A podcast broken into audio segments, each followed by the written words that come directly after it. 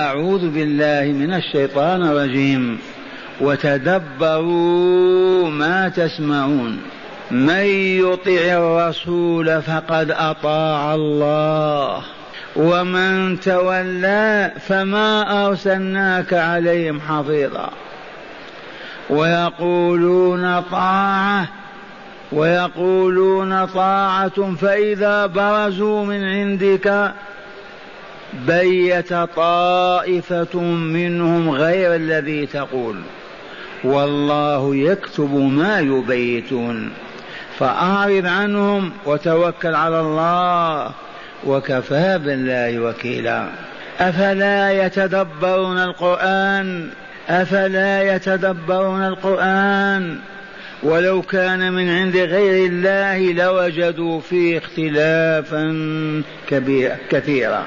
وإذا جاءهم أمر من الأمن أو الخوف أذاعوا به ولو ردوه إلى الرسول وإلى أولي الأمر منهم لعلمه الذين يستنبطونه منهم. ولولا فضل الله عليكم ورحمته لاتبعتم الشيطان إلا قليلا. عجب هذا القرآن؟ عجب وإلا لا؟ ما هو عجب؟ الجن قالوا عجب ونحن عرب ما نقول عجب. أما قالت الجن واسمع صورتها قل أوحي إلي أنه استمع نفر من الجن فقالوا إنا سمعنا قرآنا عجبا يهدي إلى الرشد فآمنا به. يعرف أنه عجب المتدبر. هيا مرة ثانية. من يطع الرسول فقد أطاع الله ومن تولى فما أرسلناك عليهم حفيظا. ويقولون طاعة فإذا برزوا من عندك بيت طائفة منهم غير الذي تقول والله يكتب ما يبيتون. فأعرض عنهم وتوكل على الله. وكفى بالله وكيلا. أفلا يتدبرون القرآن؟ ولو كان من عند غير الله لوجدوا فيه اختلافا كثيرا. وإذا جاءهم أمر من الأمن أو الخوف أذاعوا به. ولو ردوه إلى الرسول وإلى أولي الأمر منهم لعلمه الذين يستنبطونه منهم. ولولا فضل الله عليكم ورحمته لاتبعتم الشيطان إلا قليلا. عجب هذا القرآن ولا لا؟ هيا نتدبر من يطيع الرسول فقد أطاع الله. بلاغ رسمي من الله. اسمعوا واعوا. من يطع الرسول من ذكر أو أنثى من كبير أو صغير علموا أنه قد أطاع الله. والعكس من يعصي الرسول فقد عصى الله. كيف هذا؟ إي نعم لأن الرسول هو الذي يبلغنا أوامر الله ونواهيه. فالله يوحي إلى رسوله المحطة البشرية التي تتلقى المعارف الإلهية وهو يبلغها عن الله. فمن هنا من أطاع الرسول فيما بلغه فقد أطاع الله ومن عصى الرسول فقد عصى الله. من يطيع الرسول فقد أطاع الله. معشر المؤمنين والمؤمنات يجب أن نطيع الرسول. الرسول من هو؟ الرسول العظيم. صاحب الرسالة خاتم الأنبياء محمد صلى الله عليه وسلم. ثم قال تعالى ومن تولى رفض الطاعة فما أرسلناك عليهم حفيظا. يخاطب رسوله. علمهم أن من يطيع الرسول من يطيعك يا رسولنا فقد أطاع الله. حتى لا يترددوا في طاعتك. ومن أعرض عن الطاعة وتولى فلا تضربه ولا تقتله ولا تكرب من أجله ولا تحزن. فإننا ما أرسلناك عليهم حفيظا. تحملهم إلى الهدى بالعصا. مهمتك البلاغ. فلا تكرب ولا تحزن. ثم يقول تعالى عنهم من هؤلاء؟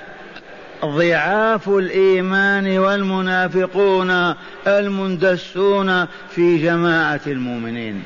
وتقدم الحديث عنهم في الآيات السابقة. هم الذين إذا أصابتهم حسنة قالوا من عند الله. وإذا أصابتهم سيء قالوا من هذا. متطيرين برسول الله صلى الله عليه وسلم. ضعاف الإيمان والمنافقون الذين يبطنون الكفر ويظهرون الإيمان بالكذب. ويقولون طاعه أي أمرك طاعه يا رسول الله؟ أمرنا لك طاعه ما نعصيك؟ لأنهم بلغهم قول الله من يطع الرسول فقد أطاع الله. ومن تولى خليه لله. فما أرسلناك عليهم حفيظا. ويقولون طاعة. إذا أمر النبي أو أرشد صلى الله عليه وسلم أمته وهم في مجلسه يقولون طاعة أمرك طاعة سمعنا وأطعنا.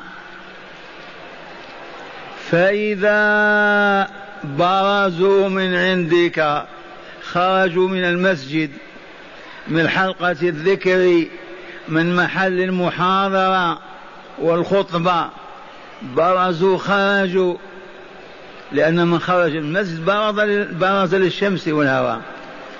فإذا برزوا من عندك بيت طائفة منهم غير الذي تقول. بيتوا مكروا دبروا أنهم لا يقولون ولا يفعلون بما أمرهم. طائفة ما قال كلهم. لأن المرض يختلف. بيت تبيت معروف المكر والتدبير في الخفاء. بيت طائفة منه غير الذي تقول. لن نفعل هذا. لن نضحي بوجودنا. لن لن وهكذا فيما بينهم. والله يكتب ما يبيتون. والله يكتب ما يبيتونه من المكر. والذي يكتب ملائكته هو الذي يكتب إذن. ملائكة يكتبون وسيجزيهم بمكرهم وانصرافهم وإعراضهم. لا يظنون أنهم مهملون. يمكرون ويدبرون ضد رسول الله ما شاءوا في الخفاء فليعلموا أن عين الله تراهم. والله يكتب ما يبيتون. فالذي يتدبر هذه الآيات على الفور يصبح مؤمنا صادقا ويقولون طاعة. فإذا برزوا من عندك بيت طائفة منهم غير الذي تقول أي تأمر به وتنهى عنه أو تدعو إليه. والله يكتب ما يبيتون. ليعلموا أنهم ليسوا مهملين. هم تحت رقابة الله عز وجل. الملائكة يكتبون كل كلمة يقولونها إذا فأعرض عنهم يا رسولنا. هذه الآيات تفهمنا أن النبي صلى الله عليه وسلم كان يلاقي من العنة والتعب والألم ما لا نقدر قدره. فلولا ربه عز وجل يؤدبه بهذه الآداب لما هرب وما استطاع أن يبقى. كيف يهرب؟ ما هرب يونس بن متى؟ ما أطاق. يقولون نعم ويخرجون يتآمرون ليبطلوا ذلك القول. كيف يفعل؟ إذا فصلوا عليه وسلموا. وعلى الدعاة أن يذكروا هذا أيضا. المحاضر يحاضر وهم يتغامزون. والله العظيم. المحاضر يحاضر وهم يبيتون خلاف ما قال. ما سبب هذا؟ ضعف الإيمان. كمية الإيمان خفيفة. ما تسيطر على القلب ولا على الحواس والجوارح. اذا فأعرض عنهم. لك أن تقول لا تلتفت إليهم وإلى ما يقولون ويبيتون. أو أعرض عنهم لا تهش في وجوههم ولا تبش. أعرض عنهم بوجهك. احتقارا لهم وعدم مبالاة بمواقفهم النفاقية. وتوكل على الله. لا تعرض عنهم فقط. وما توكل على الله تخاف.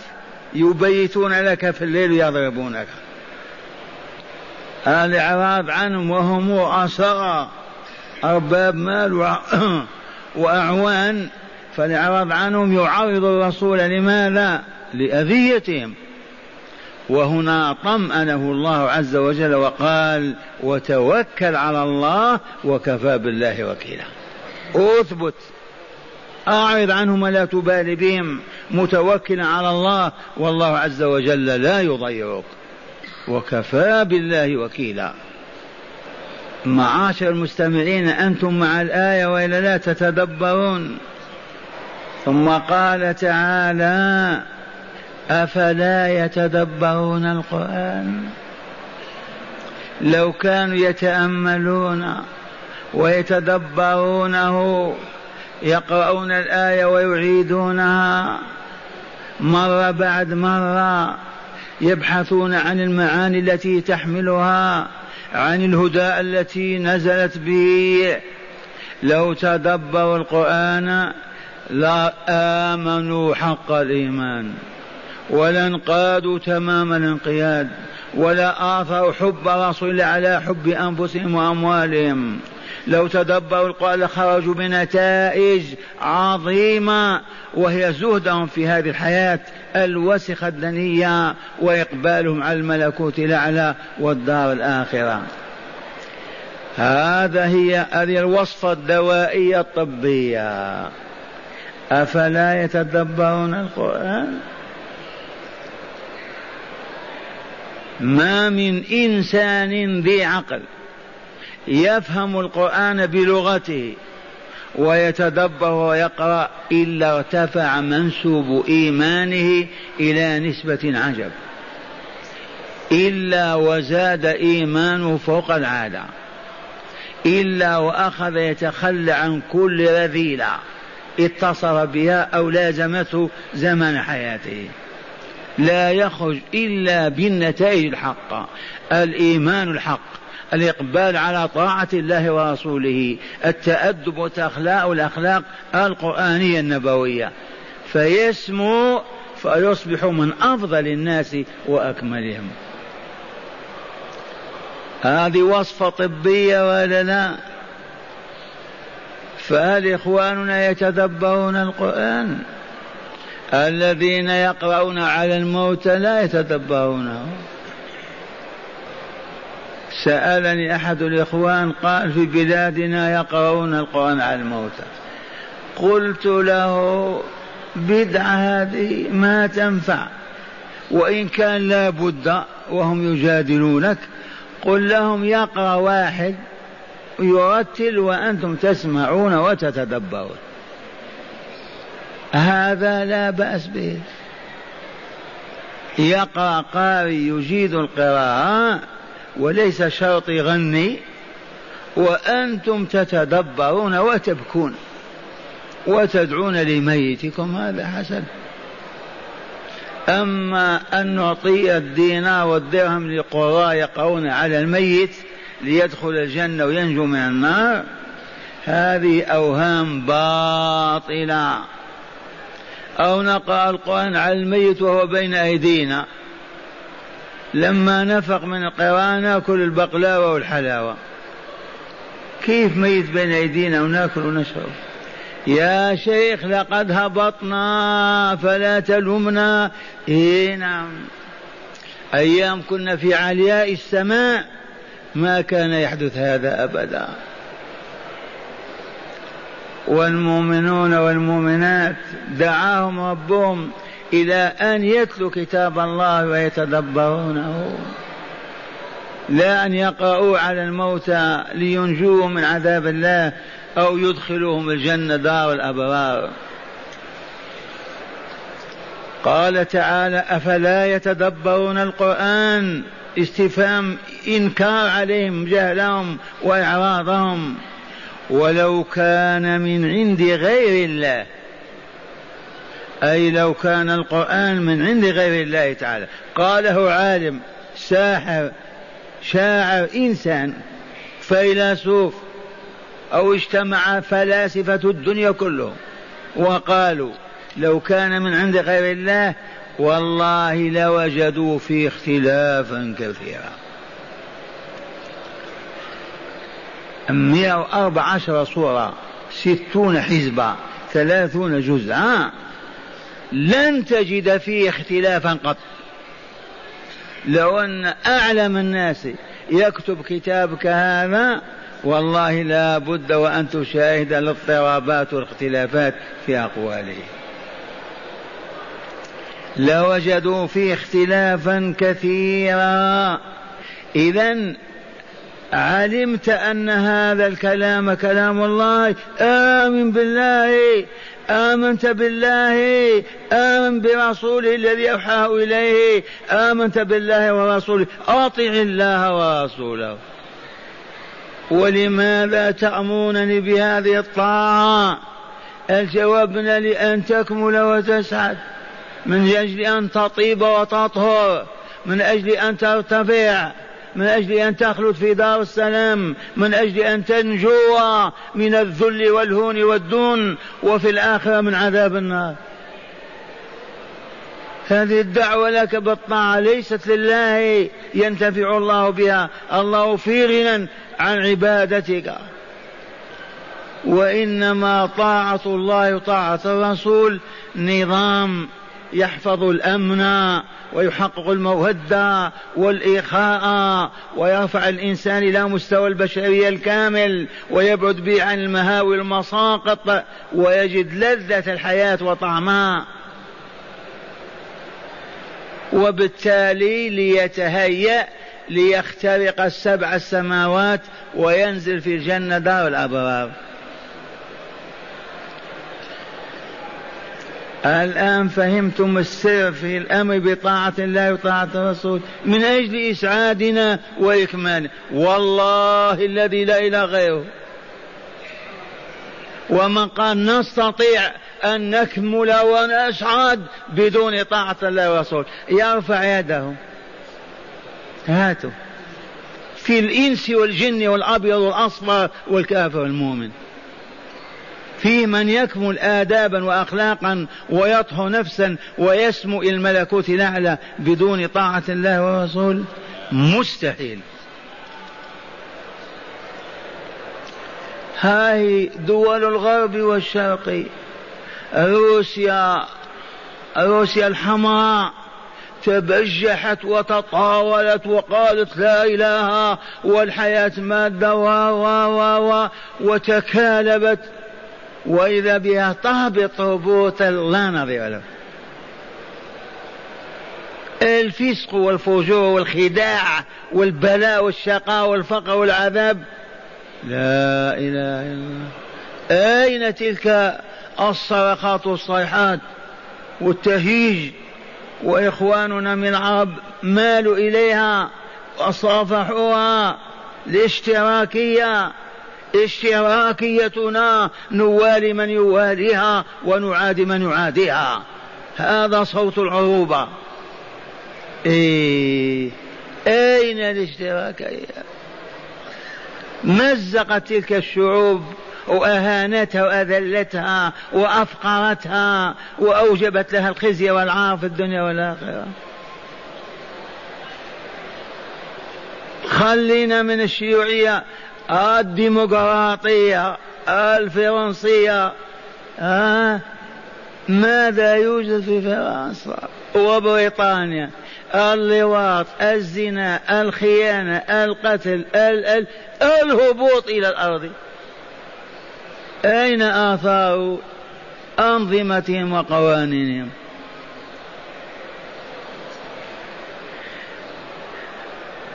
أفلا يتدبرون القرآن؟ الله الله. لو تدبره مسيحي يهودي التدبر الحق في صدق ويفهم لغته ومعانيه ما يخرج من مجلسه إلا ويشهد أن لا إله إلا الله وأن محمدا رسول الله.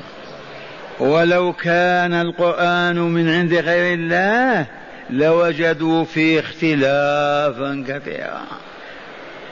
الآن تقرأ من أول الفاتحة إلى سورة الناس. لن تجد تعارضا بين آية وأخرى أبدا. ثم قال تعالى لرسوله صلى الله هو الكلام إخبار من الله للرسول والمؤمنين.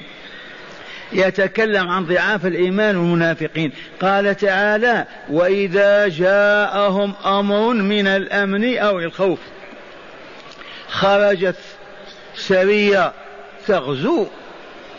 بلغهم أن السرية انتصرت وجاءوا بغنائم. ما يسكتون يذيعون عن أكثر من إذاعة لندن. كل البيوت تسمع. غنائم جابوا كذا ونحن حرمنا نعطى كذا. ما في صبر. وإذا جاء خبر سري أن الغز السرية الفلانية انهزمت. واستشهد من استشهد. كذا ما يصبرون. ها ما قلنا لكم كيف كذا وكذا. إذاعة لندن في كل بيت. القرآن فيه إذاعة نعم. اسمع. وإذا جاءهم أمر من الأمن أو الخوف الانتصار والانكسار ماذا يفعلون؟ أذاعوا به في المدينة بكامل وخارج البلاد. قال تعالى ولو ردوه إلى الرسول الحاكم العام وإلى أولي الأمر منهم وهم قادة المعركة ومسيرها. لردوا هذا الأمر لعلمه الذين يستنبطونه منهم. والاستنباط استخراج الشيء من داخله كاستنباط الماء من الأرض. ولولا فضل الله عليكم ورحمته لاتبعتم الشيطان إلا قليلا. اللهم اجعلنا من ذلك القليل سمعتم هذه؟ هذه عامة. ولولا فضل الله علينا ورحمته لاتبعنا الشيطان فيما يزين فيما يحسن فيما يدعو إليه فيما فيما فيما. وهمه فقط الا نعبد الله عبادة تزكي أنفسنا فتهيئنا للسعادة في الدار الآخرة. إلا قليلا ممن عاصمهم عصمهم الله عز وجل. إذا هل يجوز لنا أن نتبع الشيطان؟ وهل الشيطان يدعو بأعلى صوته؟ لا يدعو في القلب. يدعو إلى المخمرة إلى المزنات إلى الملهى إلى الملعب إلى كذا إلى كذا بالهواجس والوساوس والخواطر. فمن عاف فقال أعوذ بالله من الشيطان الرجيم وأدبر عنه وأعرض نجا. ومن أصغى واستمع يقوده إلى أن يقول الباطل ويفعل المنكر. سمعتم الآيات الأربع. اسمعوا تلاوتها مرة ثانية. من يطع الرسول فقد أطاع الله. صح ولا لا؟ والذي ما يطيع الرسول أطاع الله. والذي يعصي الرسول عصى الله والا لا؟ اي نعم. لأن الرسول يبلغ عن الله أوامره ونواهيه وما يريد منه لعباده من الآداب والأخلاق والعبادات والأحكام. ومن تولى فما أرسلناك عليهم حفيظا. هذا من باب الإحسان إلى نبينا. من باب اللطف به من باب شد أزره وتقوية على دعوة الله. يقول له مولاه ومن تولى وأعرض ما استجاب لا آمن ولا استقام فما أرسلناك عليهم حفيظا. ما ألزمناك بهدايتهم ووضعنا السيف في يدك أن اقتلهم إذا لم يؤمنوا لا أبدا. فما أرسلناك عليهم حفيظا. ويقولون طاعة. من هؤلاء؟ آه؟ المنافقون والمرضى في مجلس الرسول في الروضة لما يقول نفعل كذا نقوم بكذا يقول نعم. سمعنا وأطعنا أمرنا طاعة. فإذا برزوا من عندك خرجوا من المسجد. ماذا يفعلون؟ بيت طائفة منهم غير الذي تقول. أي بيتوا العزم على أن لا يفعلوا ما قاله وأمر به. من اطلع على أسهارهم وعرف خباياهم؟ الله جل جلاله. من هنا يدخلون في الإيمان ويسلمون. وكم وكم من آمن وأسلم بهذه الآيات القرآنية. ما مات الرسول وفي المدينة منافق قط. قال فإذا برزوا من عندك بيت طائفة منهم غير الذي تقول والله يكتب ما يبيتون فأعرض عنهم وتوكل على الله وكفى بالله وكيلا. ما يكفيك وكيل الله؟ إذا وكلته في أمر عظيم هو وحده الذي يكفي. أفلا يتدبرون القرآن؟ عاد إليهم ليربيهم. أفلا يتدبرون القرآن فيعرفوا أنه كلام الله وأن من نزل عليه رسول الله وأن هذا القرآن يهدي للتي هي أقوم للتي هي أحسن يبشر المؤمنين ينذر ويخوف الكافرين. فيكتسبون العلوم والمعارف ويثبت إيمانهم ويقوى ويزداد لهم اليقين. أفلا يتدبرون القرآن يا رسول الله يا ربنا إن أمة نبيك ذات الآلاف الملايين جلهم ما يتدبر القرآن. أكثرنا لا يتدبر ابدا. إن قرأ بسرعة أبدا لا يسأل عن معنى آية ولا ما فيها. كيف إذا يزداد إيماننا ويثبت يقيننا وترتفع علومنا إلى مستويات أعلى؟ كيف يتم؟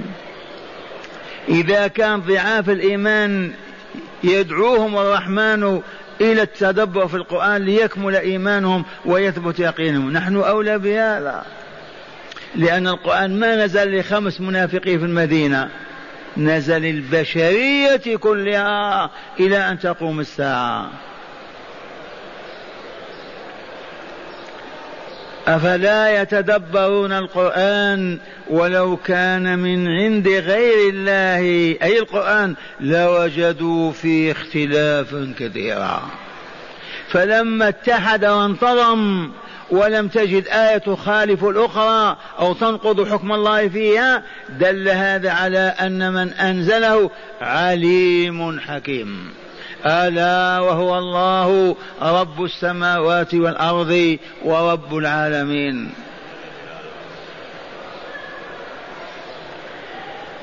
ثم قال تعالى وإذا جاءهم أمر من الأمن أو الخوف أذاعوا به.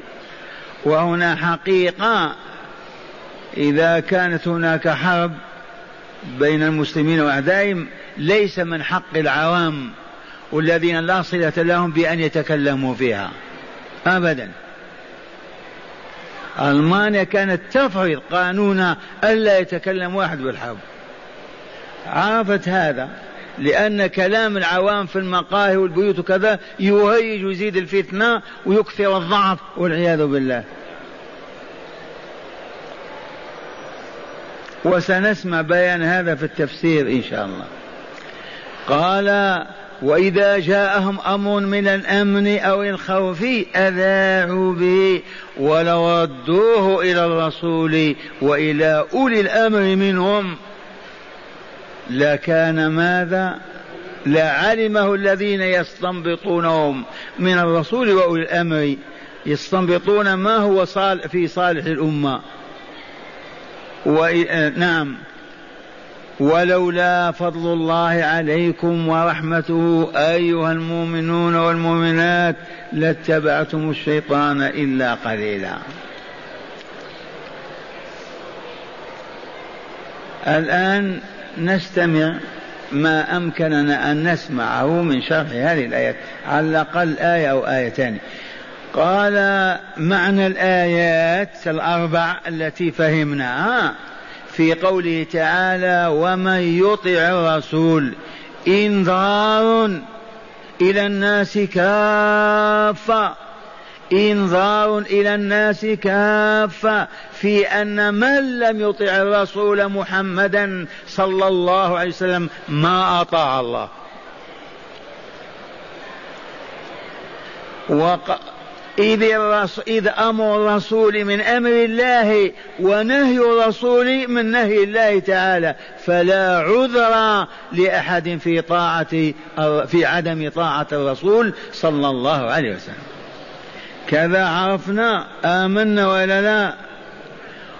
وقوله ومن تولى أي عن طاعتك فيما تأمر به وتنهى عنه يا رسولنا فدعه ولا تلتفت إليه. إذ لم نرسل نرسلك لتحصي عليهم أعمالهم وتحاسبهم عليها وتجزيهم بها. إن عليك إلا البلاغ وقد بلغت فأعذرت. وقوله تعالى ويقولون طاعة أي ويقولون أي ويقول أولئك المنافقون المتطيرون بك. السيء الفهم لما لما تقول يقولون طاعة أي أمرنا طاعة لك.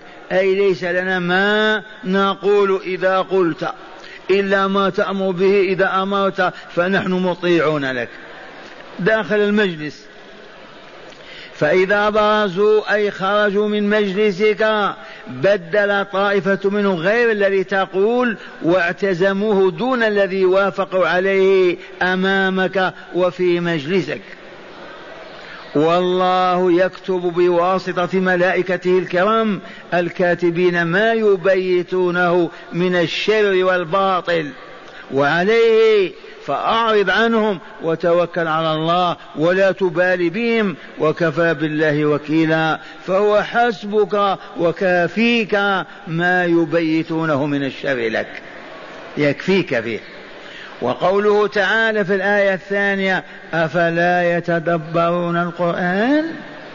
يؤنبهم بإعراضهم وجهلهم وسوء فهمهم إذ لو تدبروا القرآن وهو يتلى عليهم وسمعوه صباح مساء لعرفوا أن الرسول حق وأن ما جاء به حق فآمنوا وأسلموا وحسن إسلامهم.